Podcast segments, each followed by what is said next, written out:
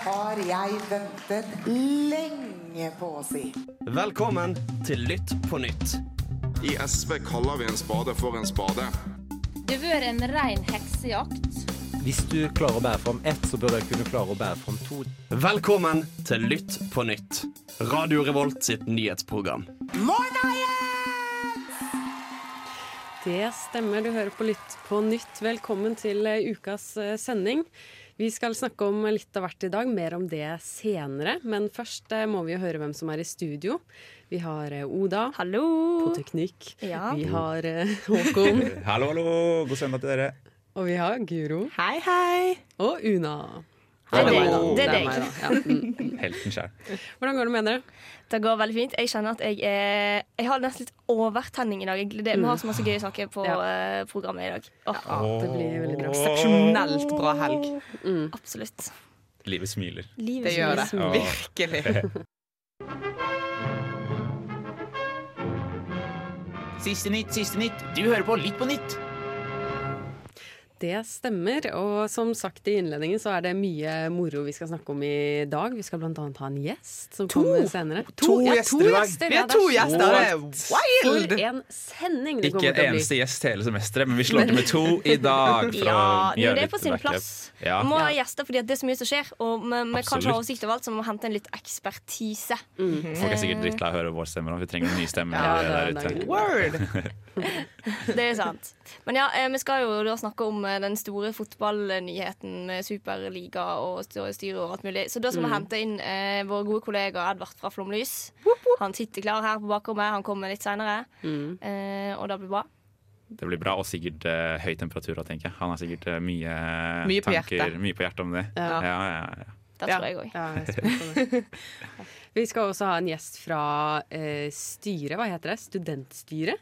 NTNU-styret. NTNU-styret. NTNU sitt styre. Vi har fått uh, Studentrepresentanter høyt, Ja. Høytstående. Der er vi, vet du. Der er vi. Det stemmer, det. Eh, Vi får besøk av eh, en som heter Simen uh, Oi, Ringdal? Ja. Simen Ringdal heter han. Selvfølgelig. Han òg kommer. Han òg jeg, jeg, jeg, jeg er gira på gjest i studio. Ja, Ja. fordi Nå nærmer det seg jo studentvalg. Neste uke er det et stort uh, valg på NTNU, hvor det skal velges utrolig mange nye stillinger til, eh, til verv innad på NTNU og liksom utenfor NTNU. Og det er Mm. kompliserte saker, så vi har eh, bestemt oss for at da må vi invitere en eh, mann som kan mye om det her. Da kan litt. folk bruke sin, gjøre sin borgerplikt. Ja. Informer. Studentplikt. En opplyst stemme er en god stemme. Yes. Det er Så det jeg målet for i dag er at etter sending så skal alle som har hørt på, gå og 100%. stemme eh, Det er jo 100 opp, Møte oppmøte på sti- stemmelokalene digitalt. Det blir bra. Vi skal gå en tur til Bergen i dag. Åh, Ja. Om vi skal en tur til Bergen. Vi skal gå en tur til gaten i Bergen. Det er feminismedebatt i Bergen. Det er alt jeg har å si. Bare gled dere. Det er, to sinte, sinte feminister fra Bergen her. Så det Ja, er, det er ingen av oss er jo Å gud. Nei, Jeg jeg telte bare med dere to. Jeg er ikke fra Å, ja. Bergen. Ja, Å ok, ja. greit, altså. Nei, det er jo strengt tatt ikke jeg heller. Eller jo, jeg er døpt i sentrum av Bergen. I Ja, for det er som har noe å si hvor man er døpt. Ja, er døpt Det har ingenting med folkeregistrering å gjøre. jeg er døpt i Johanneskirken! Det var jeg fra Men eh, Bergen. nå er det altfor mye Bergen-prat. Jeg blir sinna. vekk fra Jeg blir sinna. Vestlandet. Jeg blir sinna Men vi skal ikke bare til Bergen, vi skal også til Russland. Vi skal til Russland. Vi skal til India òg. Ja, men så det, åh, Mr. Worldwide. Nei, ish. Og landsmøter, da, ikke minst. Ja, det er jo Masse landsmøte bonanza nå for tida. Og Ja. eh, det er jo eh, to parti som, eh, har, hatt, som har landsmøte akkurat nå. Ja, Det er snill og en slem. Det tikker inn vedtak fra landsmøtene. En snill og en slem, hva er det du snakker om? To, to av de snilleste partiene i norsk politikk. nei, nei, nei. Venstre er slemme SV, og SV snille Venstre. Det, Hot take! Hot take! Du fikk det først her. Det er så på gode nyanser på Litt på nytt. Vi har så veldig sånn Her er virkelig en sånn spekter av Eh, jeg vil bare si at Det var Guro sin subjektive mening. Dette er, Dette står vi ikke inne for. Vi står ikke inne for det. Den backer vi ikke. verken, verken Lytt på nytt eller studentmediene. Nei. Det, Og hvis du spør Guro klokka tre på natta, så står ikke hun inne for den. Vent og se. Ellers står hun mer inne for det. Ja. jeg tror kanskje jeg står mer innenfor for det, faktisk. Ja, men vi skal jo selvfølgelig til USA. Da har vi jo da, Vi kommer jo aldri unna det. Mm. Over dammen. Over dem. Klimamuskler om dagen, så det blir veldig spennende. Ja, Viser ja. klimamuskler? Det er Rå interessant. klimaplan. En rå klimaplan. Eller ja, vi får se. Vi får se hva vi kommer fram til. kollektivt litt på nytt. Ja. Ikke Ja. Guro sin eh, mening. Ikke bare mine subjektive meninger her i studio i dag. Søren òg! Og til slutt litt samfunneprat også. Ja. Nybygg er på gang. Vi må Det må til. Vi må Ja. opplyse studentene om nybygg, fordi eh, jeg tror vi har en overvekt i dette programmet om folk som syns at nybygg er dritkult. Men jeg har skjønt at det ikke alle syns at nybygg sitter ikke alle, Jeg sitter jo og ser på plantegninger for nybygg og er sånn Å, fy faen, dette blir bra. Jeg gleder meg sånn til å se Vi det er, vi er fire folk som elsker å snakke om verbet vårt på vors hver gang Ja, vi er der. Så det- dette vi blir er- gøy. Men vi altså, lover, vi lover lytter at dette det blir ikke sånn. Det Ja. blir, Nei, det, det blir, blir mulig å forstå. det kommer til å bli spennende. Er samfunnet min Milla? Absolutt. absolutt, absolutt. OK, det er faktisk eh, Å, det er trist. At vi ikke har skjønt det før nå. Når det vi Det gikk akkurat opp for meg at jeg har, jeg har ikke vært på folkeskole. Jeg har ikke vært i Milla, men jeg har, har hatt verv på Samfunnet. Og det er minst like ille. Det er minst like ille. Uff. Uff. Hva gjør du på? Jeg hører på Lytt på nytt, vel? Det stemmer det. Du hører på Litt på nytt på en eh, herlig søndagsmorgen. Åh, elsker søndager. Morgen? Det er ikke morgen tre. klokka Ja, ok, jeg våkna for to timer siden. Det, kan vi- det er en annen prat. Vekket Håkon på telefonen klokken halv to i dag. Ja. Huff a meg. Skammens telefon, faktisk. Eh, damer, Ja. nå har det skjedd noe høytidelig her i studio. Vi har fått gjest. Hallo, hallo, hallo. Hallo, oi! Det var faktisk ordentlig deilig å høre en annen mannestemme på øret, for det skjer ikke så ofte her i Jo, takk. studio. Veldig Min jobb her er jo å bidra med en annen stemme, mannestemme. Den, den Det gjør, det gjør det godt. det gjør det godt Velkommen til deg. Eh, hvem er du? Ja, jeg heter eh, Simen. Jeg er eh, student ved NTNU. Men ja. grunnen til at jeg er her, er vel fordi at jeg er en av to studenter som sitter i NTNUs styre. Mhm. Og jeg jeg skjønte at det er noe dere ja, syns det er gøy å prate om i disse, disse valgetider, som det jo er. Ja, for nå nærmer det seg studentvalg med stormskritt. Det begynner vel i morgen? Er det Stemmer, tilfellet? Ja. Mm. Eh, og vår tanke med å invitere deg har egentlig vært litt mer at vi syns at studentdemokratiet i Trondheim er ganske spennende. For vi har skjønt at det ligger mye bak der som kanskje ikke den normale studenten helt forstår. Eh, og når det da nærmer seg valg, så har vi prøvd å på en måte få en oversikt. sånn hva er liksom studentdemokrati? Det er jo så mangt, eh, selvfølgelig. Men du sier selv at du sitter i NTNUs styre. Eh, og da sitter du med rektor og, og de virkelig sånn eh, big players, kan jeg si det på den måten. Og bestemmer hva da? Altså, hva, hva er ditt mandat for Du representerer oss, eller? Oi, mange store Ja, spørsmål veldig mye rart Vi kan her nå. eh, begynne i en ende, da. For du snakker om studentdemokratiet. For eh, NTNU er en veldig stor eh, organisasjon. Vi snakka litt om det før sending her, at eh, det er jo 1% av Norge. på en måte. Vi er 50 000 stykker. Vi er 42 000 studenter og en god drøss med ansatte. Og selvfølgelig trenger man da en liten organisasjonsstruktur på hele greia. Så det er litt slags sånn hierarki, og Mhm. helt øverst der har vi da NTNU sitt styre. Ja. Så de, er liksom, eh, de svarer til Kunnskapsdepartementet. Så Kunnskapsdepartementet legger strategier og føringer, og så er det da opp til styret å passe på at NTNU faktisk får det til. Ok. Så du sa at eh, rektor er personen vi har mye med å gjøre. Men rektor sitter ikke selv i styret. Okay. Styret ansetter rektor for å gjøre oppgavene som styret bestemmer. Nettopp. Så vi får da inn eh, altså forslag fra Kunnskapsdepartementet og egentlig fra overalt. Legger strategier for NTNU, så sier vi til rektor kjør på, gjør det du skal. Hvis ikke så blir vi sure. Og så hører vi fra rektor Ah. ofte for å passe på at eh, hun da gjør det vi har sagt. Ok, Så dere har ettersyn på, på det rektor holder på med? Og Mm. passer på så Du er sjefen til rektor, du, rett og slett. Jeg er faktisk mer aktiv rektor. Det er helt sant. Det var vel sånn barnehagemåte å forklare det på. Jo, men Ja, nå, nå skal vi ta det på en måte så folk forstår, Ja, sant? Ja, ja, Det er det, det er veldig sant. Det er Eh, veldig godt. Ok, Men du sitter der som en representant for oss, Mm. eh, og du er valgt inn da av oss, Mm. studenter altså. Mm. Eh, når du sitter der, taler du på en måte studenter sin sak? Er det din oppgave, eller er det å se mer helhetlig på hele NTNU? Definitivt det siste. Men det er også litt eh, rart, fordi at eh, så styret er satt sammen. Det er elleve medlemmer i styret. Elleve personer. Og det er da eh, syv av de personene de kommer fra NTNU selv. De er valgt inn av personer på NTNU, mens fire er helt eksterne. Så De kommer okay. fra bedrifter rundt omkring i Norge eh, og sånt, og da eh, har litt sånn outside-blikk på NTNU. Og vi Eh, ingen som sitter i styret er bundet av noe politikk. Vi uttaler oss helt fritt om det vi selv ønsker og tenker og har lyst til å gjøre på NTNU. Så for eksempel, jeg, da, jeg er valgt inn av studentene, men jeg skal ikke sånn sett trenge å representere studentene. Jeg må ikke, jeg må ikke ta og høre på det studenttinget sier, f.eks., eller dra rundt på et nå og få de til å stemme over saker som jeg må lytte til. Jeg kan si min mening fullt og helt, og det er ganske spesielt. Så vi har, bare valgt inn av personer, men må ikke nødvendigvis representere de. Okay. Og det er jo, For å komme med et konkret eksempel der hvor det her har liksom virkelig vist seg, så var jo det i eh, 2014-ish, da NTNU skulle fusjonere. Mm. Eh, det var- jo styret som vedtok om, eh, om det skulle bli fusjon eller ikke. Og da var jo Studenttinget, som er et det kan vi sikkert prate om etterpå, men demokratisk organet av studentene på NTNU, de var imot fusjonen. Men studentene i NTNU-styret, de var for. Og det var også studentene i styret som da bikka det flertallet. Som da Oi. gjorde at det ble fusjon. Da var det ganske mye ramaskrik, for da, jo, eh, da var jo studentingen ganske irriterte på at de ikke fulgte liksom, det studenttinget mente. Ja. Men eh, det står de helt fritt til å gjøre. De kan mene akkurat hva de vil. De Ja, okay. Så derfor har det egentlig potensielt ekstremt mye å si hvem som, de to personene som er der, sitter, og at, uh, man, at, de på en måte, at det er kartlagt hva de mener da, når du stemmer på personen, kan man jo absolutt si. På en måte, Eller du kan snu på det. Du kan si at de som sitter i styret, må være personer som er villige til å lytte. Hvis du Ja. har en person i styret som er veldig krass, eller som bare mener én ting, som mener at nei, nå skal NTNU kutte alle bånd med internasjonale universiteter, da kan det være litt vanskelig å sitte i styret. For når, du er styremedlem, så plikter du deg på en måte til å lytte til hva det folk mener, og ta med masse betraktninger, Ja. komme til en endelig beslutning og ta det fram i styret. Damn. Mm. Trolig spennende. Vi må prate mer, vi, men eh, en liten låt først, eh, kanskje. Så får vi masse mer snacks fra NTNU-styret. Det kjente jeg var ordentlig spennende.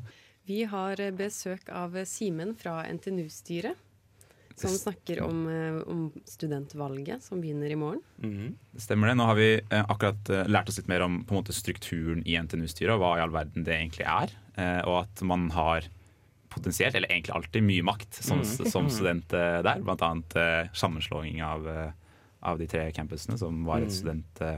Basically. altså, det var en student som bestemte det, mer eller mindre. Sagt på en veldig forenkla måte. Det kan du si. Eh, men, eh, så det er godt å vite at det, dere har mye å si, men nå er det altså et valg som er nå til uka hvor blant annet, ikke bare, men blant annet eh, det skal velges inn to nye representanter for NTNU-styret.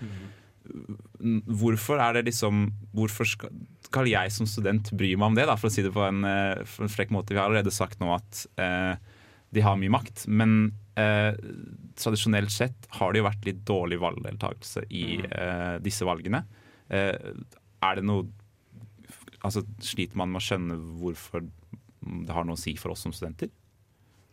Oi, det er et veldig godt spørsmål. Ja. Um, jeg syns jo jeg synes at man bør stemme. Det var dumt hvis jeg kom her som eh, Det syns- som, det eh, syns vi litt på nytt også, bare så det er sagt. eh, Og ikke ba folk om å stemme. Men det er et veldig sammensatt spørsmål hvorfor det er så lav valgdeltakelse, da.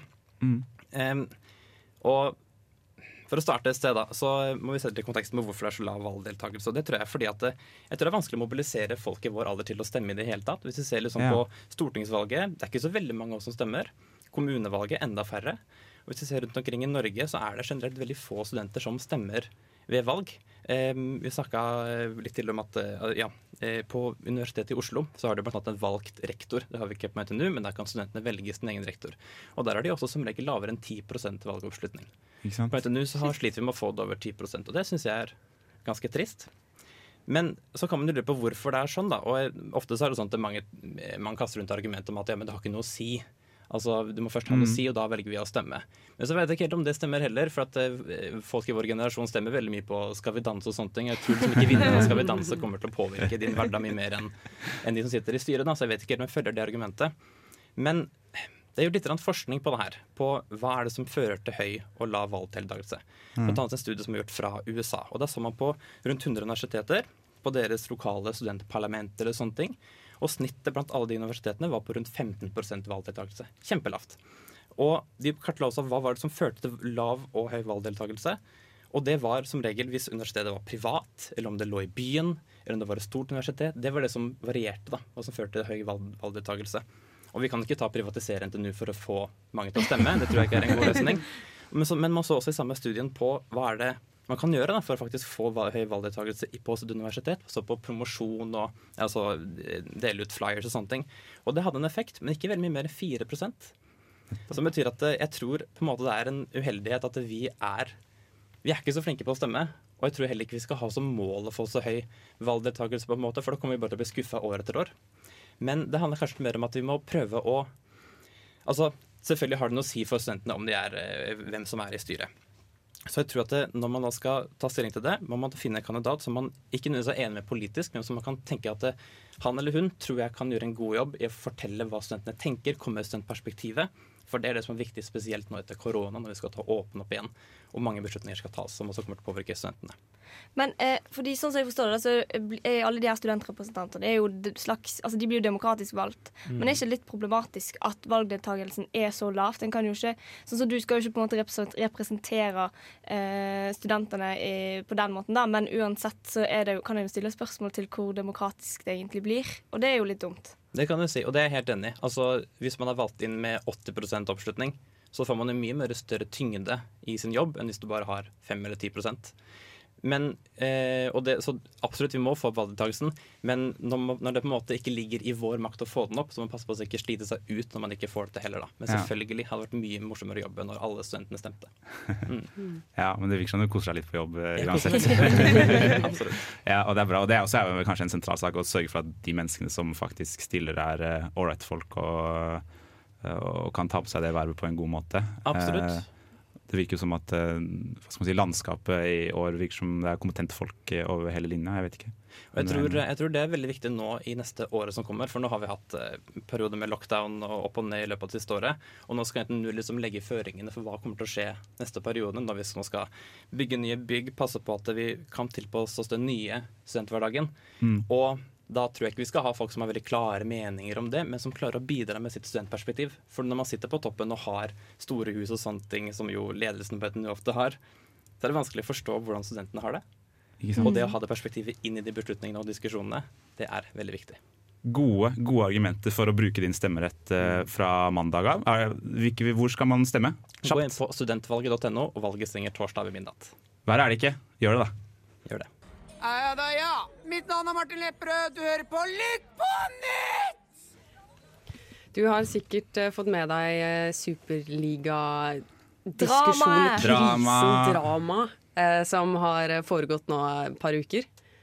Det stemmer. Det stemmer. Først vil jeg bare tak takke Vi fikk ikke takka Simen Ringdal. Det må vi nesten gjøre for han, siden han forlot Ja. studio nå. Tusen takk for at han kom. Det var forbanna trivelig. lærte masse. Jeg lærte masse. Men idet han gikk Idet han gikk, boom! Ja, ja, ja, ja. Her er jeg. Her er jeg. jeg ble hentet inn med min eh, fotballekspertise. eh, som ikke ofte blir brukt til noe nyttig. Men kanskje denne gangen her. Skal det kjeftes, eller? Det skal jo det. det skal Men du, du må si hvem du er. Ah, Hvem Ja, er det? jeg er Edvard eh, fra Flomlys, eh, som er naboprogrammet deres. Ja, Yeah. og kjære nabo. Ja, ja, ja. Eh, nei, men Jeg kan jo først si litt om Superligaen, for det er jo ikke alle som vet hva det er for noe. Eh, Uh, og det er jo uh, Det er penger eh, det handler om. Uh, så Det er alltid det i fotball, er mitt inntrykk. det er, alltid, det, er, det er dessverre det. Det er Alltid alltid penger. Det er alltid det overalt, Da- Hva mener du? Det er alltid penger det handler om. Uh, nei, så Da var det noen smarte, rike folk som tenkte at vi trenger mer penger. Uh, som de ofte tenker. Eh, og tenkte at nå må vi starte en, vi må starte en superliga. Vi skal ta de beste lagene i verden, samle de i en eksklusiv klubb. Eh, så skal disse her spille mot hverandre eh, uke inn og uke ut. Høres jo på mange måter ut som en god idé.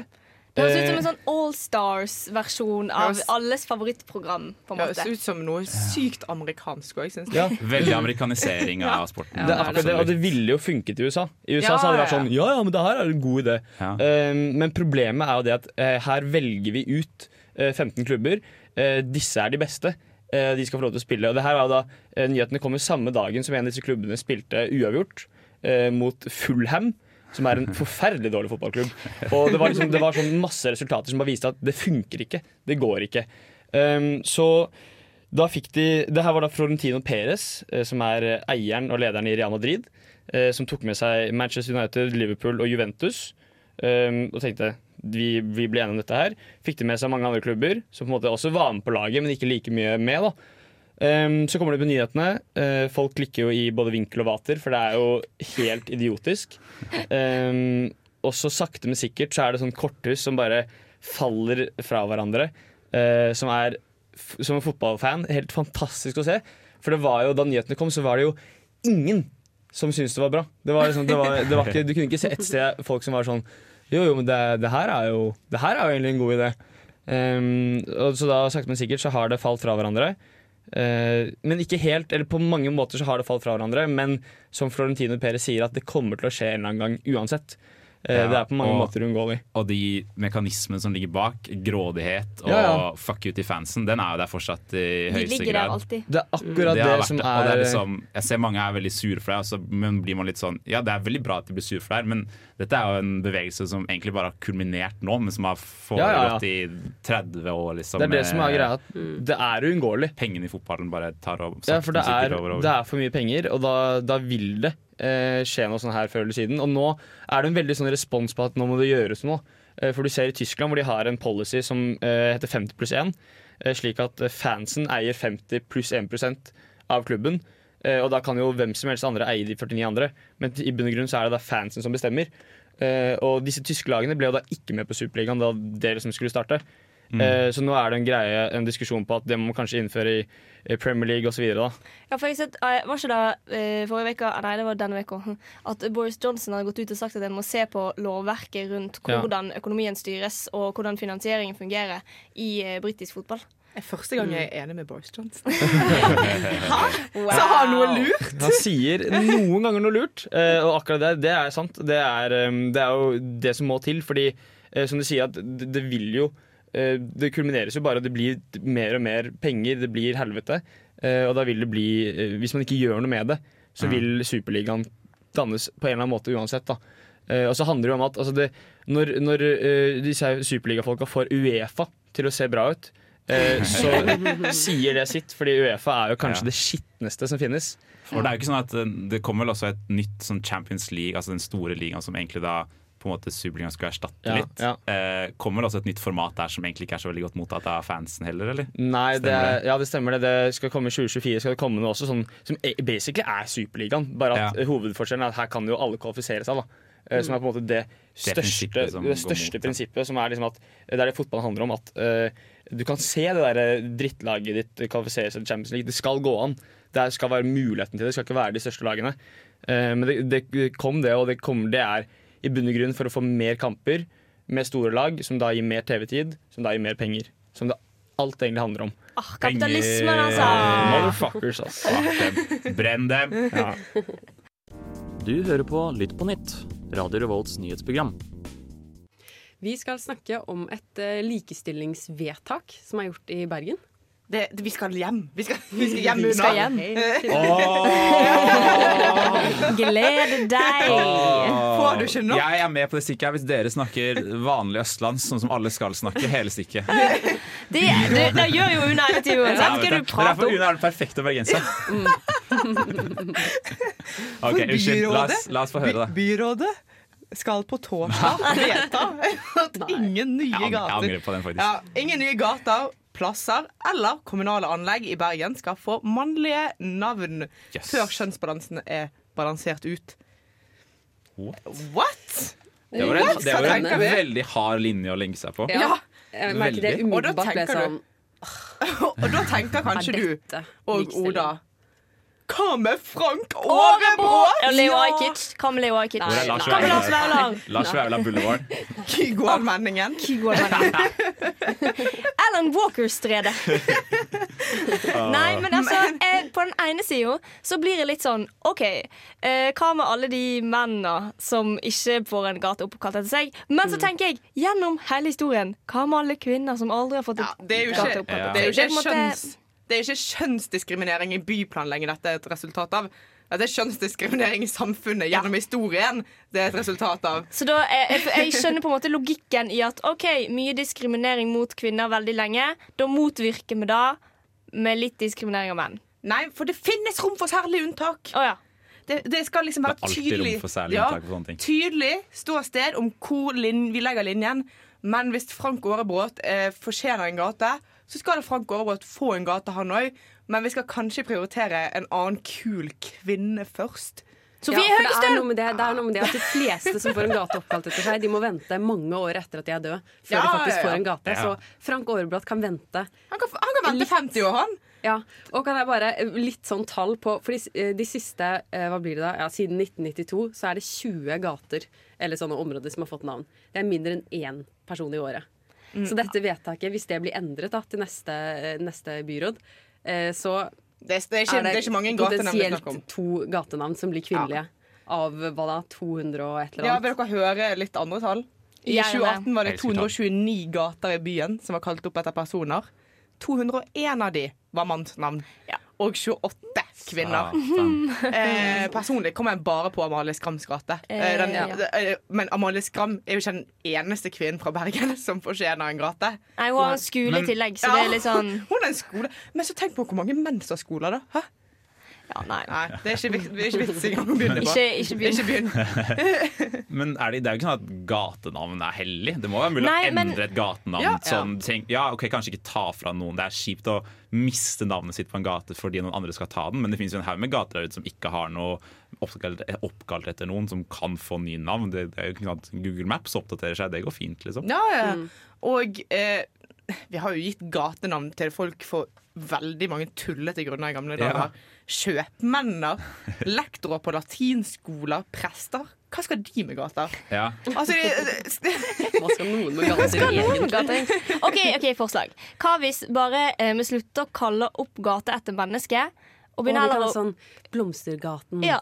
Hjortetrykkgaten, Nei, nei, Jeg synes at det er jeg- fint. Elefantgaten. Nei, det er jeg mer imot. Jo, du bor jo i Blåklokkeveien. Hva Ja, er det du snakker om? Nettopp. Jeg hater at det finnes sånn der Blomsterbyen, hvor alle heter Blåklokkeveien. Smørblomstveien. Jeg er så imot Fjolsvingen. Øh. Jeg, jeg syns at det er koselig. Nei, jeg syns det blir for vanlig. Ja, men kan, ok, for, nytt forslag. Vi kan begynne å kalle det opp etter kjente dyr. Du løser alle verdens problemer Altså, i dag. Ola. Juliusgaten, Ja, ja. liksom. ja, ja. Alle de der eh, Oda, jeg hadde ikke trodd at et sånt forslag skulle komme fra deg. Det er jo mest Jeg bare prøve prøver å tenke alternativt her nå. Tullete og useriøst. Dårlig forslag. Jeg tenker vi bare oppkaller de etter kvinner de neste årene. Altså, 50 jeg bare, hvis vi fortsetter sånn som vi har gjort nå, med hvor mange gater vi oppkaller etter menn, eh, så må vi holde på til 2237 for å ha likestilling i Bergens gatesett. Jeg, jeg tror det går fint. Så det fint. eh, det vi egentlig har funnet ut, er at dette er et ganske symbolsk forslag eh, Ja, som ja, til vedtak i byrådet. Det er 100 symbolsk. Har nesten ingenting å si. Men jeg liker innstillingen. Ja, ja, ja. Kult tiltak. Hei sann, jeg er en veldig viktig person, og jeg hører på Lytt på nytt. Det gjør du også.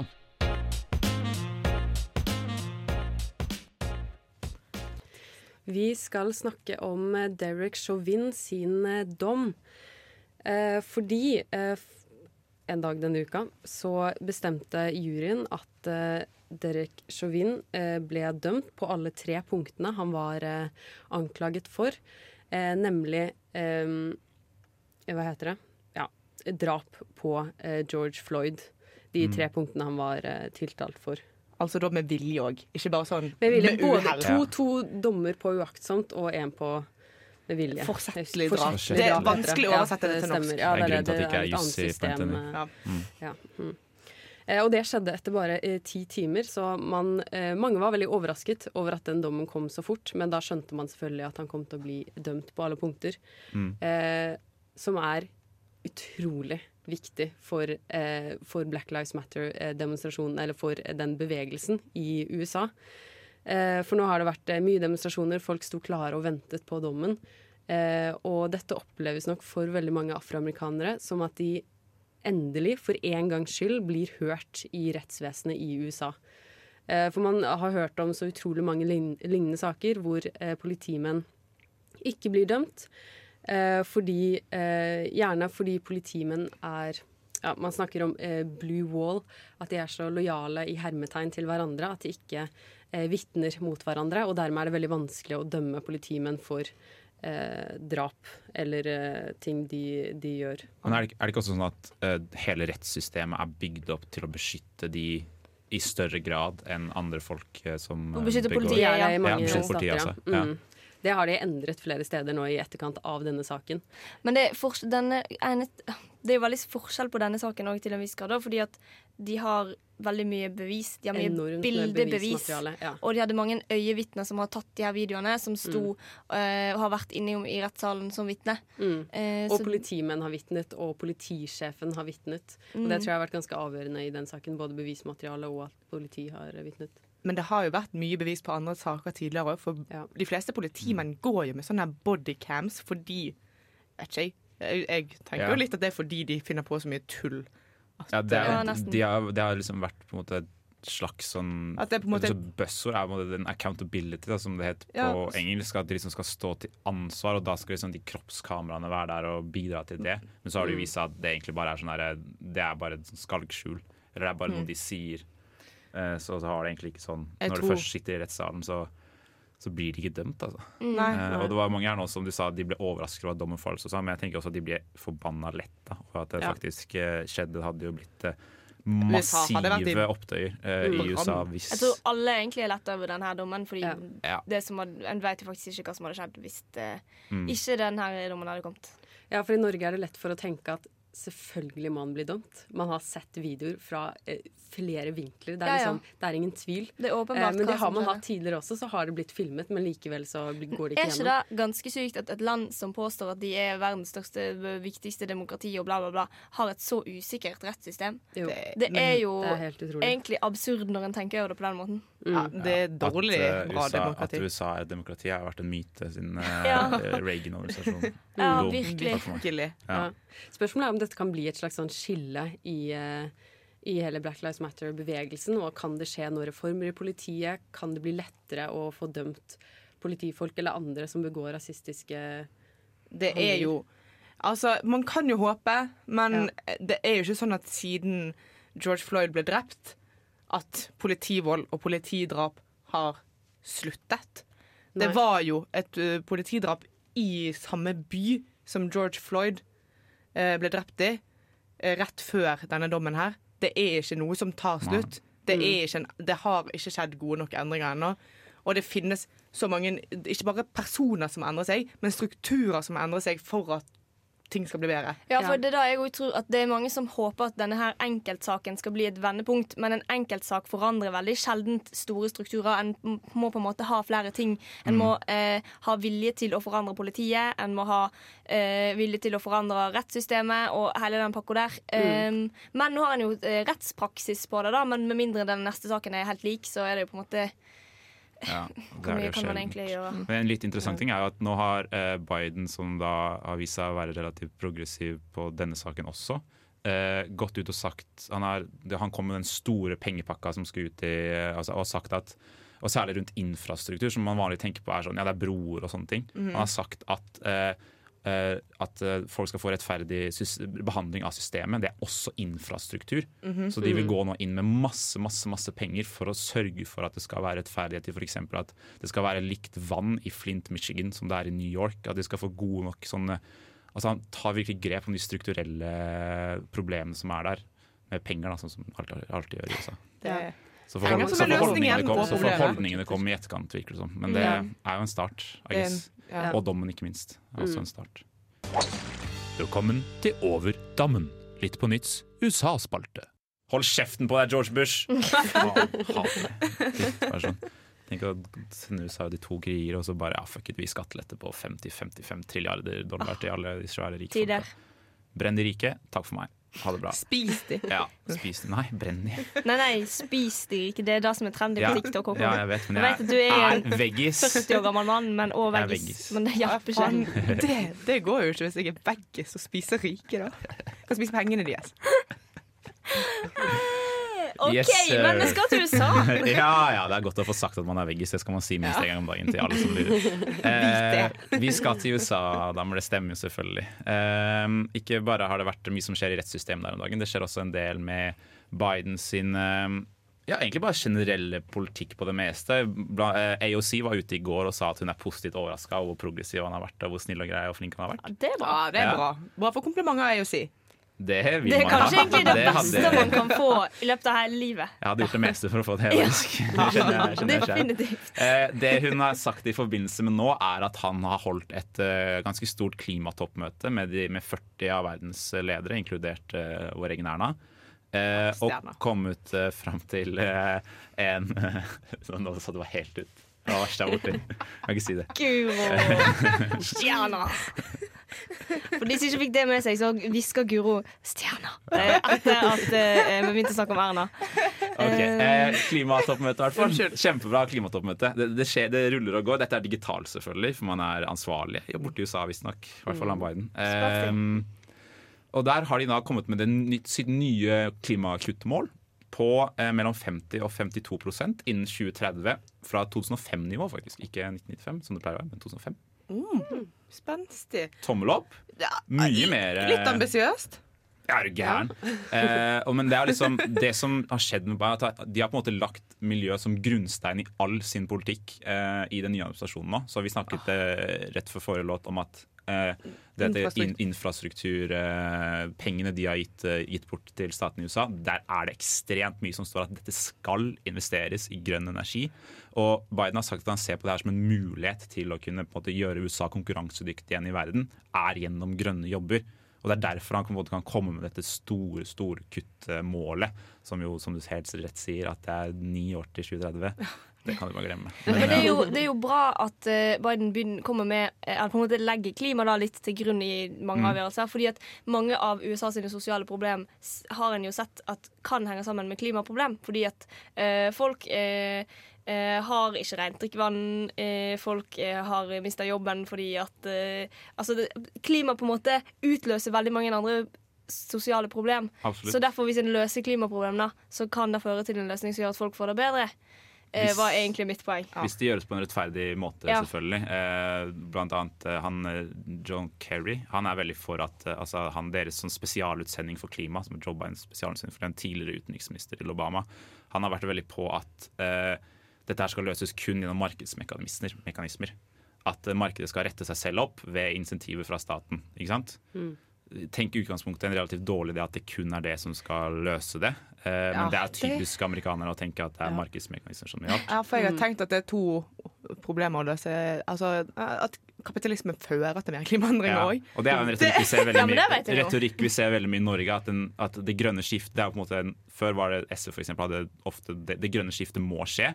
Nå har de det grønne skiftet må skje, men, ikke, altså, men det må skje rettferdig. Mm. At man Mm. ser nå kanskje en trend om at det er noen som blir Ja. rike. Elon Musk sitter og lager batterier for hardhelvete og blir megarik. Mm. Mens altså, samtidig så øker forskjellene Man på en måte kobler de to sammen. da Mm. Uh, og, og man ser nå at uh, Biden har jo satt standarden på en måte For på det toppmøtet så var det også kanskje i hvert fall Japan, uh, Storbritannia skal, øke, skal minske med 80% Altså Hvis ikke USA går foran, så vil ingen gå foran. Mm.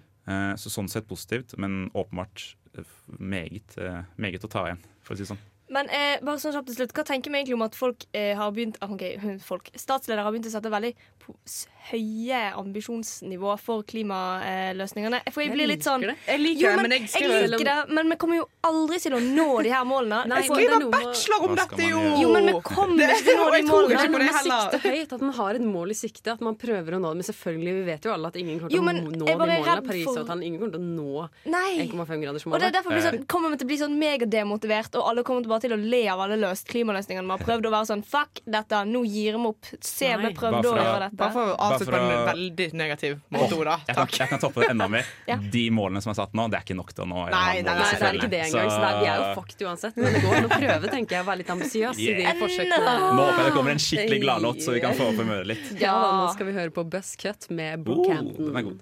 Jeg er Fredrik Solvang, og du hører på Radio Revolt. Vi er jo godt inne i landsmøtesesong, og vi koser oss eh, med det. Nå er det Venstre som eh, holder på. Ja, de har hatt landsmøte denne helgen. Og jeg tenkte at jeg skulle gå gjennom med dere hva eh, hvilke vedtak de har på en måte eh, bestemt seg for eh, i løpet av helga. Um, så de har jo da sagt nei til fraværsgrensa, som de da satte i regjering og vært med å innføre. Så det syns jo jeg var jævlig spenstig. Men det var veldig venstre. Ja. Men det var jo det var vel litt venstre, liksom. Men så videre så har de eh, sagt ja til regulert salg av cannabis, men ikke på apoteket. På Vinmonopolet? Det er uspesifisert, tror jeg. Men det blir jo i praksis klarte ikke å polet. bli enige om Nei, tror de klarte ikke å bli enige om Vinmonopolet, tror jeg. Eh, Men eh, de har i hvert fall blitt enige om at ikke det skal selges på polet. Fordi at det er ikke sånn at alle som kjøper cannabis, bruker det til medisinsk bruk. Altså Apoteket, apoteket, mener du? Ja, du sa polet. Men Ja, Ja, samme det. Vi skjønner. Ja. Vi skjønner. Ja, det kan skjønne hva jeg mener. Eh, ja. Eh, eh, videre så går de inn for ny samboerlov. Det syns jeg er fint. Fordi eh, alle vil ikke gifte seg eh, i kirken. Hva- alle vil hva ikke betyr gifte det? seg. Det Ny sambo altså, en skal lage en eh, samboerlov der en kan eh, tydeligere ha litt sånn eh, Altså at de som er samboere, i praksis har samme juridiske rettigheter som Ja, de som er gift. Ja. Tror jeg er tanken bak dette. Ok. Eh, og så har de landa på eh, abortuketallet, holdt jeg på å si. Det er fri abort fram til uke 18. Ja, sånn som Arbeiderpartiet, da. Ja.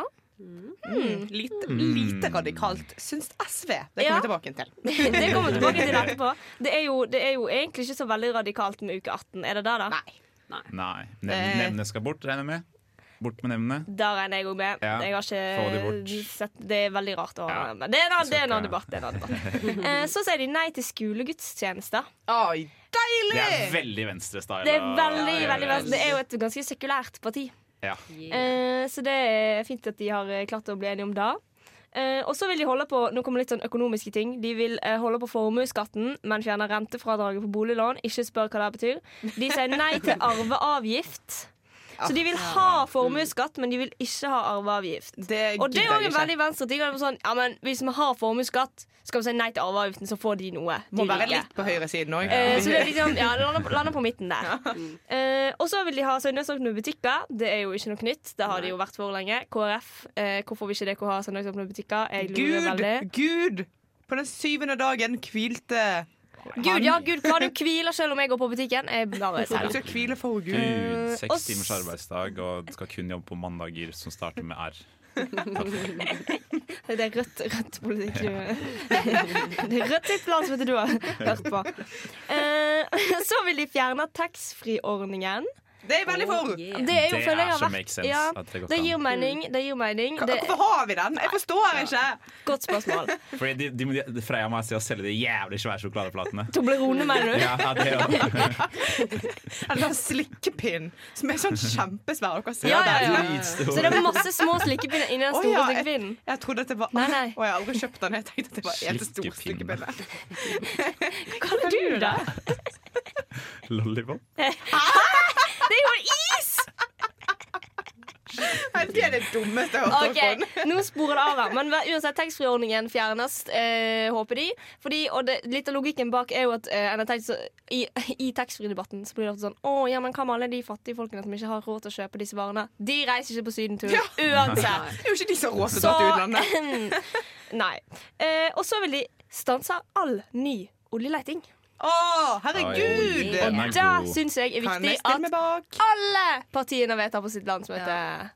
Det Det burde vært en no-brainer, egentlig. Den, Ja, jeg altså. føler at det, det burde vært Det er en ikke Det er ikke en kontroversiell mening. Nei. Det er ikke der den debatten skal føres. Er at vi skal ha mer olje eller ikke. Egentlig. Det er vel snarere motsatt. Det blir, for, det blir faktisk for eh, dumt. Ja, det er, vel noen sånn isprosenter og sånn i Arktis Ja, som driver det og er beveger seg for- ikke begynn. borer seg der òg. Så Nei, Det er bra de gjør det. det. siste jeg har å komme med her nå, det er at de vil gå til valg på samme regjering. De vil ha samme regjering. Så. Og der kan jeg bare Det er jo ganske mye de har vedtatt der som ikke Ja. som ja. utgår. Og det var derfor jeg tenkte det var fint å avslutte med den, for jeg blir litt sånn KrF. Vil du samarbeide med KrF? Så er ikke det taktisk Med å vedta søndagsåpne butikker og ingen skolegudstjeneste. Ingen av de her tingene. Altså, det er jo på en måte Venstre Det, det blir veldig tydelig av de tingene jeg har trukket ut her, hvor uenig Venstre egentlig er med KrF. Så de har holdt seg i regjering med de såpass lenge. Det er jo et fuckings mirakel. Ja. Fra det ene landsmøtet til det andre. Nå skal vi fra venstre til SV. Ja. Vi skal til snille Venstre. Ja, det gjenstår å se. Det gjenstår å se. Skal vi ta en litt Disclaimer til Guro sin mening. Det er- Disclaimer Guro stemmer faktisk Venstre. Ja. Jeg stemmer Venstre. Eh, De har da vedtatt eller de har vedtatt at de ikke skal vedta at de skal greie ut aktiv dødshjelp. Eller nei, de, de, har, de, de, de vedtok ikke. Nei, de vet, det, det blir ikke det blir aktiv dødshjelp. det blir ikke aktiv dødshjelp. Det var det jeg skulle fram til. Men veldig marginalt. Det var 73 som stemte imot, og 69 som stemte for. Jeg hadde trodd at SV var såpass progressive at de kom til å si ja til det, egentlig. Nei, det er de ikke. Tydeligvis. De vil òg erstatte eksamen med en mappevurdering potensielt. Ja, da er jo faktisk bare Yes. det, ja, Jeg kaller meg gjerne konservativ, men jeg syns det blir litt dumt. Ja, men du er jo en av de som fikk fem på eksamen òg, Ola. Så det Det er ikke rart at du tror at det er en ordning som funker. Eh, de mener òg at samenes nasjonaldag bør bli en høytidsdag offisielt i Norge. Veldig enig. Veldig ja, god idé. Jeg visste ikke at det ikke var det. Nei, jeg trodde det var det. Ja, same.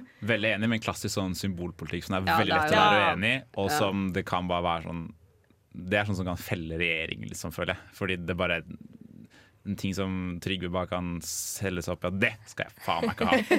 Og så blir stopper det der, liksom. Ja. Sånne ting som de ikke kan Som er fint om det skjer, men som de ikke kan legge seg på en måte hardt opp i om det Ja. ikke skjer. Ja. Det er sant. Ja. Og eh, siden SV er òg ikke bare er snille Venstre, men òg radikale Ap, så har de bestemt seg nå for at eh, når Arbeiderpartiet de fant ut at de ville ha abort eh, til uke 18, så det ble bestemt abort til uke 18, tenkte SV sånn Nei, det, det blir tullete.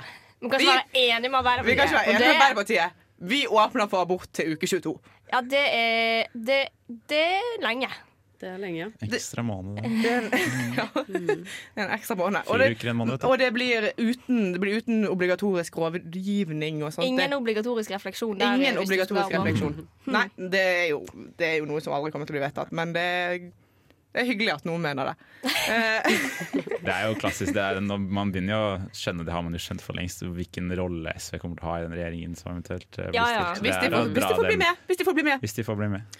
eh, og de sier nei til nye store vindparker på land og til bunnfast havvind nær kysten. Det er populisme. Det ja, for jeg var sånn, det er jo SV, Miljøpartiet. Ja, ja. Hva, hva er det de gjør på? Nei, men det er jo eh, garantert basert på at det er veldig mye motstand i befolkningen mot å sette opp store vindturbinparker. Eh, Ingen som går på tur uansett. Hvem bryr seg? Å nei. Natu det er jo naturvern versus miljøvern som Ja, ja. virkelig Ja, er det er Og er det en ting Det er- man er elsker, så er kanskje- det naturen sin. Så det er jo liksom Kanskje det vanskeligste som finnes er liksom Du elsker naturen, men du elsker miljøet òg. Så sånn, hva skal vi ta mest vare på? Men så er liksom, sitter miljøet med... får ikke opp naturen, så da har du ingen av delene hvis ikke du Ja, omstiller. Men vi sitter på en måte og, og kaller dette populisme. Men er det egentlig da når altså, Når alle vil ha det sånn det, Veldig mange er jo enig i Ja. at en ikke bør det er jo ødelegge ikke norsk populisme natur. da. da. Hvis alle bare ikke Da er hadde det bare lyst konsensus, liksom. Ja, det er det. Og de Eh, har òg eh, åpnet for samarbeid litt overalt. Eller ikke overalt. De har åpnet for samarbeid med Arbeiderpartiet, Senterpartiet, altså gamle rød-grønn regjering. Mm. Men de åpner også for samarbeid med Rødt og Miljøpartiet De Grønne. Så det er hyggelig. Det er regjeringen sin, det.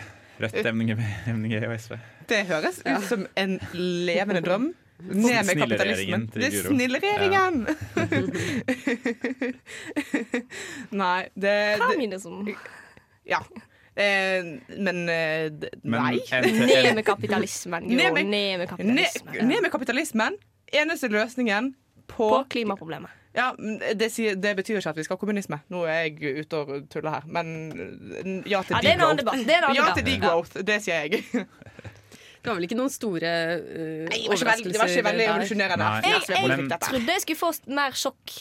Jeg trodde Ja. at de hadde de, Jeg forventa noe mer revolusjonerende. SV, SV. Siste spørsmål. Lettere eller vanskeligere å samarbeide med Senterpartiet etter dette landsmøtet? Mye, eh, etter dette landsmøtet her. Cirka det samme. Cirka det Ja, samme. ikke Senterpartiet noen sjuke ikke ting. Ingenting er sånn. Eh, Senterpartiet vil jo ikke samarbeide med SV i det hele tatt. Trygve liker ikke Audun. Er på en måte det som Men er Audun skinner om dagen! Ja, han er on fire. Vi skal eh, snakke om Eller vi skal til India. Jepp. Vi Ja. skal til India. Eh, for det er jo sånn at India er eh, akkurat nå veldig hardt ramma av eh, korona. Um, og det er kanskje ikke, ikke så mange som har fått det med seg, fordi en har ikke skrevet så mye om det i eh, norske medier. Oh, media! Eh, så da, eh, siden vi er ikke en del av mainstream media her i Norge, så må vi faktisk ta vårt samfunnsansvar og ta det opp. Eh, fordi at eh, India har nå stigende dødstall. Eh, per nå så er det ca. 186 000 dødsfall og 16 millioner smittetilfeller. Og det er jo Yes, ekstremt høyt. Um, og i dag, eh, søndag, så er det fjerde dagen på rad India setter verdensrekord for flest covid-tilfeller på en dag. Ja. Um, og dette er jo i tillegg til at visse kilder hevder at dødstallene er underrapporterte. I visse byer så kan de være opptil ti ganger høyere enn rapportert. Så denne verdensrekorden som de slår dag på dag på dag, den kan hende at den er enda høyere enn en egentlig vet om. Ikke en revens, Mm. verdensrekord du vil ha, altså. Nei. Eh, og så eh, Konsekvensen av dette er jo at det er mangel på sengeplasser på sykehus. Det er mangel på oksygen. Eh, til eh, covid-pasienter som trenger det, og det er mangel på medisiner. Så eh, det som skjer er at det er veldig mange som kjører fra sykehus til sykehus og prøver å legge inn familiemedlemmene sine på sykehus, men det, det er faktisk ikke plass. Um, så det er bildet av folk som på en måte ligger på bakken utafor sykehus eh, med en oksygentank ved siden av seg og bare på en måte prøver å overleve. Um, og minst 20 personer døde på lørdag pga. oksygenmangel. At de har ikke nok oksygen igjen. Uh, på et, og det var kun på et sykehus i Delhi. Uh, så det, omfanget av dette her er ekstremt stort. Og folk har nå tyr til sosiale medier for å få hjelp. Liksom, hvor, hvor er det plass? Hvor, hvor, hvor kan jeg legge inn min uh, covid-smitta bestemor? på en måte eh, Så det er, det er helt krise. Eh, og en ser på en måte ikke det, det er jo dette som en har snakket om. Ok, Vi er nødt til å få smittetallene ned, fordi at hvis ikke blir helsevesenet overbelasta. Og dette er ekstremversjoner av det. Ikke i, i altså, Ja, jeg husker sånn Italia liksom, Å herregud, det er krise Men dette her er jo Dette er et nytt nivå ja, det, Og Italia har jo, Italia har jo et helsevesen som i tillegg er eh, bedre utbredt enn for mange som da er i det man jeg tror man kan si lavere kaster fortsatt. Mm, med ja. folk som eh, er liksom i arbeiderklassen i India. De har jo ikke akkurat Mm. tilgang til det nivået av helsehjelp som arbeiderklassen i Italia har tilgang til, selv om den også er, kan være under kritikk. Eh, og dette er jo det man både sa helt fra i starten, at eh, når det treffer de områdene i verden som forskjellen er størst, og som eh, inntekten er lavest, så vil det treffe helt insane hardt. Og så er det jo i tillegg fordi at befolkningstettheten i byene i India er jo veldig veldig stor. Altså de, Det er masse masse, masse folk tett i tett i tett, så det er veldig vanskelig å holde smittetallene nede. Så en har på en måte sikkert vært forberedt på at dette kan komme til å skje. Eh, men en har tydeligvis ikke klart å forberede på seg, seg på det. og Det kan jo henge sammen med ressurser. Ja, så tror jeg kanskje ikke at sånn permitteringsordninger og sykelønnsordninger er like gode som i Norge, da. Så folk går jo ser på jobb når de er syke, fordi de må jo ha penger. For Ja, Sånn er det de- jo i veldig mange land i verden nå. Ja, det, det, for alle som trodde, eller tror fortsatt, at dette er ikke noe verre enn en influensa. Ja, det, tro om igjen. Ta Tro om igjen. Ta, ja. Eh, men eh, en litt interessant ting jeg så om det der, var jo at uh, de har jo, Det er jo en vaksine nå som det er mulig å få satt i armen. Det er det jo. Eh, Ja. Og det hadde jo løst problemene til India til en viss grad, i hvert fall. Eh, men eh, en av de største produsentene av vaksine heter eh, USA. Mm. Eh, Men USA har for tiden en råvareeksportforbud, som betyr at de ikke kan sende varer ut av landet som er med å hjelpe til å bygge vaksiner, eller lage vaksiner i India. Som betyr at USA, som er veldig gode på å både produsere og sette vaksiner, de har blitt det fordi de er et usolidarisk eh, vaksineprodusent som kun produserer til seg selv. Og det er jo ganske drøyt med tanke på at USA nå har åpna for eh, vaksinering av hele befolkningen. De har Ja. vaksinert de mest kritiske gruppene. Så de, altså, hvorfor skal de ikke Ja, begynne og, å dele og det er jo det argumentet at eh, USA på et tidspunkt så kan nok den tanken om at vi er nødt til å få hjulpet vår egen befolkning, den var nok legitim, fordi de sleit jo som bare Mm. rakkeren. Ja, ja. Og det gjør de Mm. jo for så vidt fortsatt. Og det er, selv om det går oppover, så er det fortsatt ekstremt mange som blir syke der. Men nå begynner vi å nærme oss det punktet hvor det er nødt til å distribueres til land som ikke har ressursene til det. Hvis ikke så kommer vi aldri til å klare å komme ut av det her sammen. Ja, for det som er essensielt for at vi skal leve det livet som vi lever. Vi lever jo i en verden hvor vi reiser ekstremt mye og er avhengig av det. Eh, hvis, hvis vi noensinne skal bli kvitt denne pandemien, må vi faktisk ha, være litt solidariske Mm. og hjelpe hverandre med vaksiner og sånt. Ja, men det, jeg syns det er ganske sprøtt når eh, en illustrerer situasjonen i India med at eh, krem, krematoriumsskorsteiner begynner å smelte fordi at de har brent så lenge. Så altså, at en ikke føler litt solidaritet med eh, folk som en faktisk lever i samme verden som og har samme problem som, det klarer jeg faktisk ikke å forstå. Det handler jo faktisk Ja, det handler jo bare om Nei, vet du hva, jeg blir bare lei. eh, nei. Jeg har Nor ikke mer å Norge, er litt, Norge er litt flinke der. Vi sender ut litt flere vaksiner, faktisk. Ja. det Så det Mm. hjelper litt. Hvorfor sitter du her i stillhet helt alene? Jeg hører på Lytt på nytt. Blir jeg så lei meg. Blir veldig lei meg. Guro, klarer ikke å være lei seg. Det går ikke. Har ikke det i seg. Det er veldig fin eh, egenskap, det. altså. Du må se innsiden ut, og så må du både le og gråte. Det er det som budskapet i den filmen. Å, Å, herregud. Ja, vi skal eh, snakke om eh, Navalny Ja, i. Russland. Yes, let's go. Ja, få meg vekk fra dette her. Uh, vi skal uh, Det er mye mer seriøse saker, må roe meg litt ned. Uh, vi skal til Navalny i Russland. Han startet en sultestreik den 31. mars fordi han mente at den medisinske hjelpen han trenger Han fikk ikke den hjelpen han trenger i fengselet. Han har vondt i ryggen og i ledd og i sånne ting, og så får ikke han hjelp. Så det er dårlig fysioterapitilbud i fengselet i I Russland. Hvem skulle trodd? Men nå, på den 24. dagen i sultestreiken, så har han valgt å avslutte den. Fordi han er nær døden. Um, han har så høyt kalknivå i blodet at han kan få hjerteinfarkt når som helst. Ja, Da syns jeg det var et godt valg av han å avslutte den sultenstreiken. Mm -hmm. Ja, men Ja, ja. har han fått noe legehjelp, da? Har det Ja, han ble, sendt på, han ble sendt på sykehus til slutt på, på grunn av dette her. På grunn Ja, av dette ok. kalkgreiene. Og, Mm. ja. Fikk noen visitter av sine private leger og noe sånt. Ja. Ja, Men- for jeg hadde ikke stolt på helt på de legene. Nei, det- Jeg kjenner jeg, Der har han et poeng, altså. Nei, Jeg- Hvis jeg- jeg ser Putin tildeler deg en lege. Ja, Det sånn, den sprøyta tar du ikke uten å Du må lese og så stå på den sprøyta før du tar den. Ja. Ja. Det hadde jeg gjort, altså. Han har litt dårlig erfaring med de greiene der. Altså. Ja, og um, som et resultat av dette her sultestreikgreiene og at Navalny ikke får den hjelpen i dette her umenneskelige fengselet sitt, uh, så har støttespillerne hans arrangert store protester i hele I om lag 100 russiske byer. Oi! Ja. Det er jo eh, bra. Det høres Ja, ja. mye ut, men i Russland så er det bare sånn. Ja, det er- Det er Altså, 50 000. byer. det er- er jo ingenting. Og eh, i Moskva så deltok faktisk rundt 10 000 mennesker. Det, det, det er jo mye, da. Det er jo ganske mye. Og i St. Petersburg så blander politiet seg ganske mye inn, som de alltid gjør, eh, og arresterte 800 stykker. Rundt, ja, det er ganske Oi. mange arrestasjoner på en protest, ikke Ja, det? det, det er meget. Ja.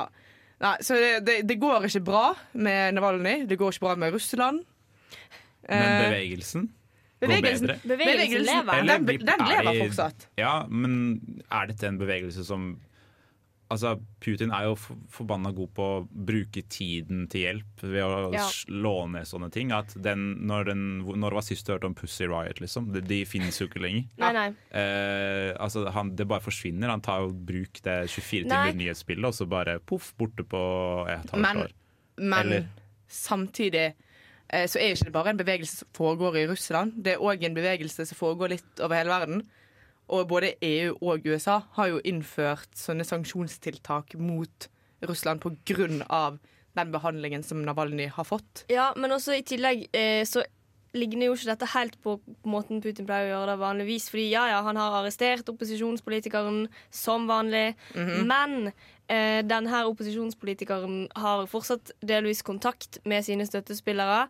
Ja, han har i- Instagram. Ja, og i tillegg så virker det som at han, han blir på en måte hele symbolet på Putins undertrykkelse, og folk eh, legger ikke fra seg dette her med det første.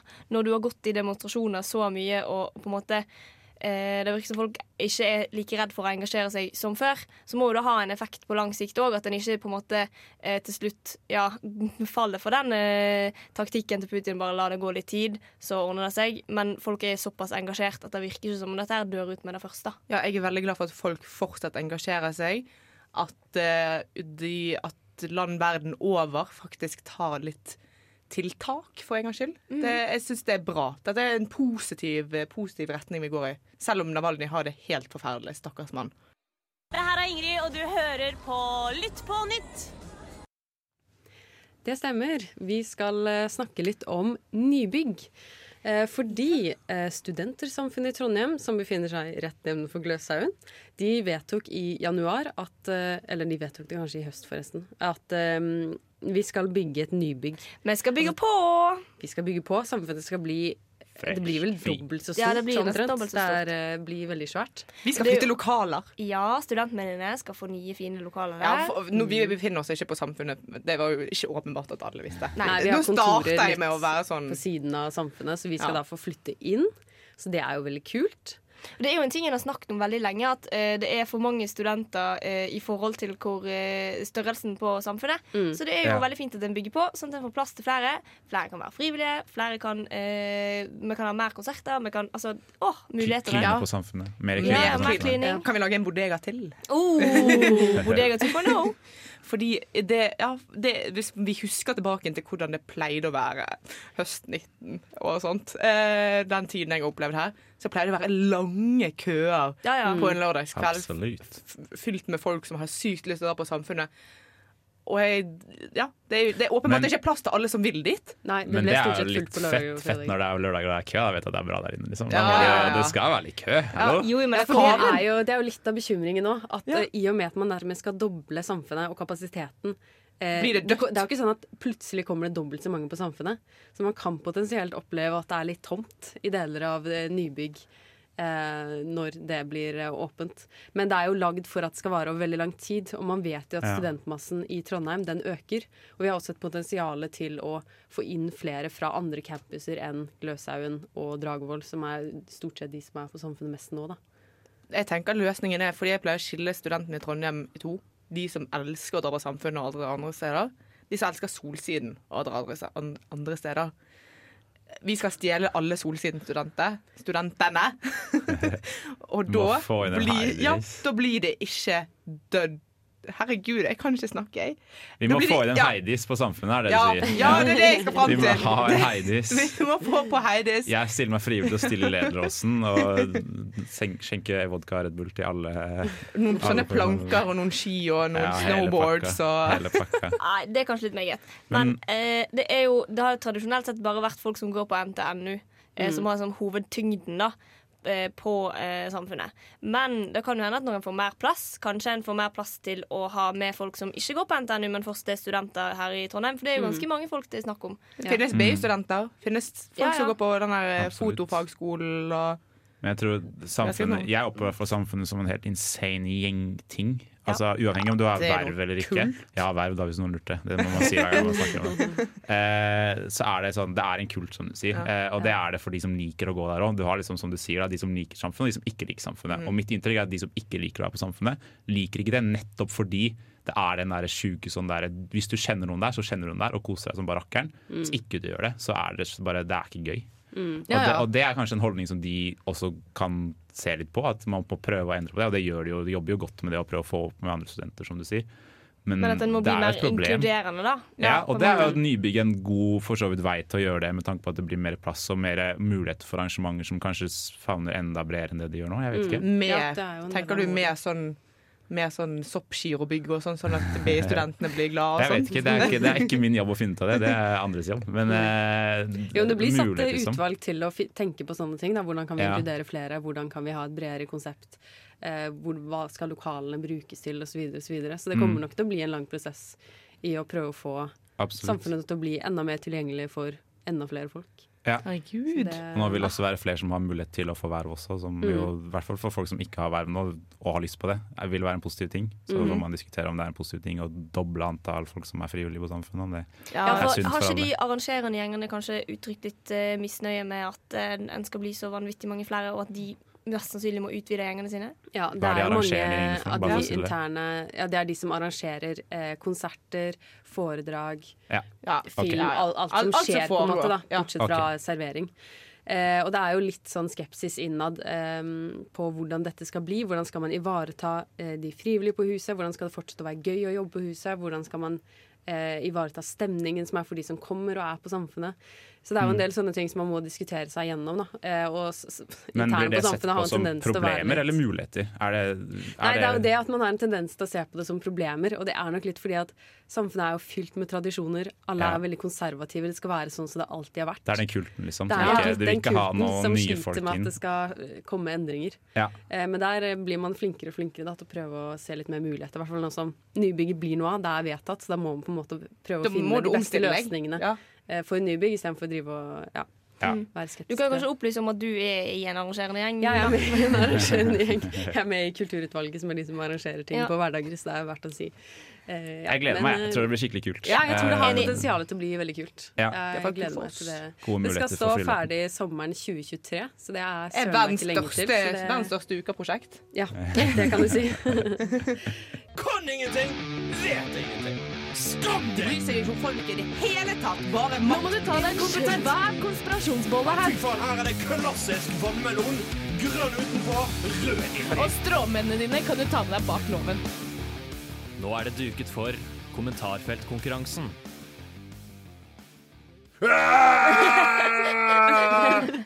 Fy faen, for en start. Voldsomt! ja.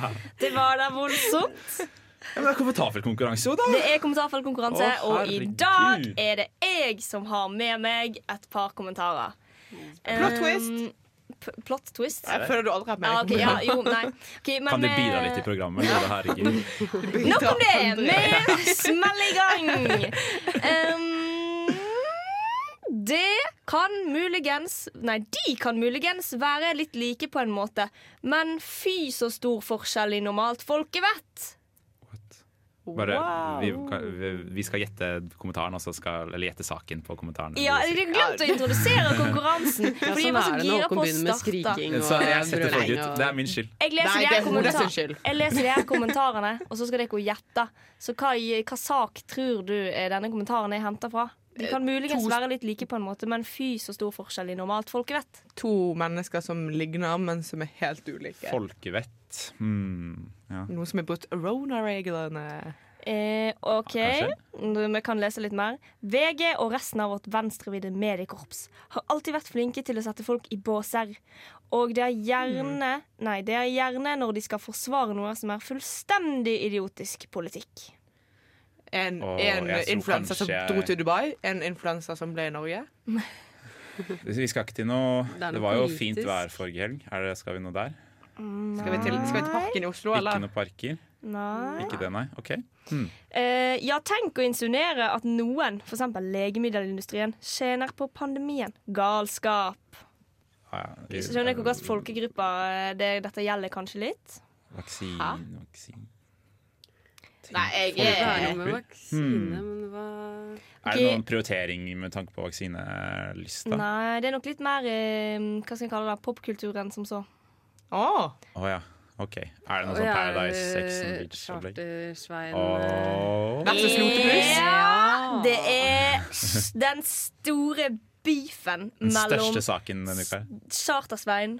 Og Lotepus. VG har til og med en egen debatt, eh, en kronikk, eh, skrevet av sønnen til er jo- Lotepus, som eh, Der den For eh, Lotepus kan ikke skrive seg. Nei, nei han, Han har jo statsvitersønn. Det er jo ikke. selvfølgelig ja. han som har skrevet Men foran. eh, da. tittelen er 'Derfor krangler krangler og Lotepus'.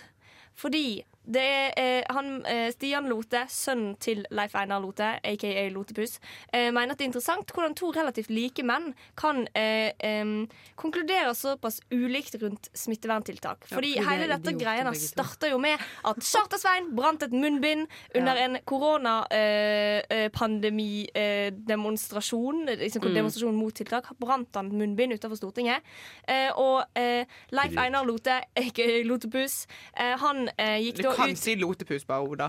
Vi skjønner hvem du Ok, mener. men det var gøy. Ja. Men uansett, Lotepus la ut en video på sosiale medier der han eh, gikk veldig hardt ut mot demonstrantene eh, og ba de skamme seg herfra til helvete.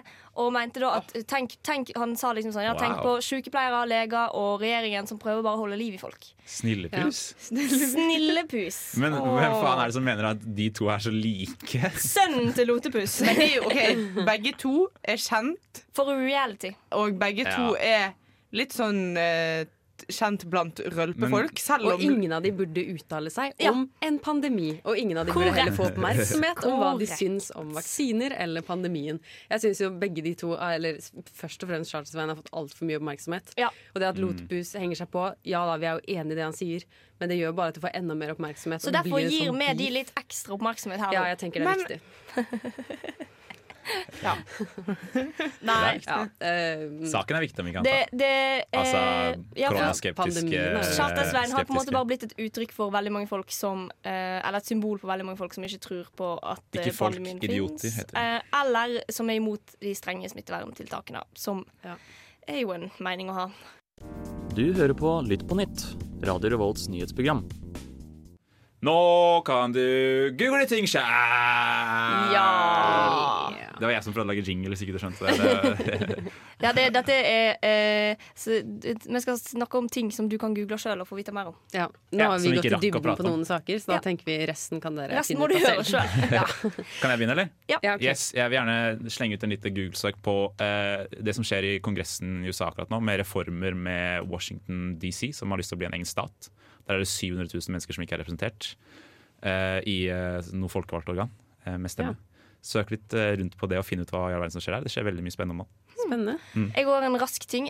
Det er jo en ubåt utenfor Bali som er eh, forsvunnet. Og det er egentlig ganske sånn Hva, hva har skjedd der? Der må du google og finne ut av. Ja. Ja. Eh. Skal ikke, si- skal ikke si det. Nei, nei, nei. Eh, Jeg vil trekke fram valget i Palestina, som egentlig skal være i mai og i juli. Men vi får nå se da hva Israel syns om det. Kan jeg gjette? Svaret er nei. Ja, eh, jeg tenkte sånn, Skal vi snakke om det på sending? Kanskje ikke. Det er sannsynligvis blir det jo ikke noe av. Liksom. Israel kommer til å stoppe det der. Men, eller, Det er ikke det vi skal, det dette er ikke en spalte hvor vi snakker om hva vi skal snakke om. Dette er en spalte hvor du skal finne ut av ting sjøl. Ja. Så du får bare google det selv. Google det selv. Google det selv. Google selv. Ja, nei, Det har vært litt av en sending i dag. Du har fått vite mye, men eh, Ja. nå, Eh, eh, nå er det opp til deg sjøl. Ta ta så Stem, da. Det kan vi oppfordre til. Ja. Det er valget i morgen. eh, Går på valget, da kan du gå inn på studentvalget.no og så stemme. Gjør det. Du har lyttet til en podkast på Radio Revolt, studentradioen i Trondheim. Sjekk ut flere programmer på radiorevolt.no.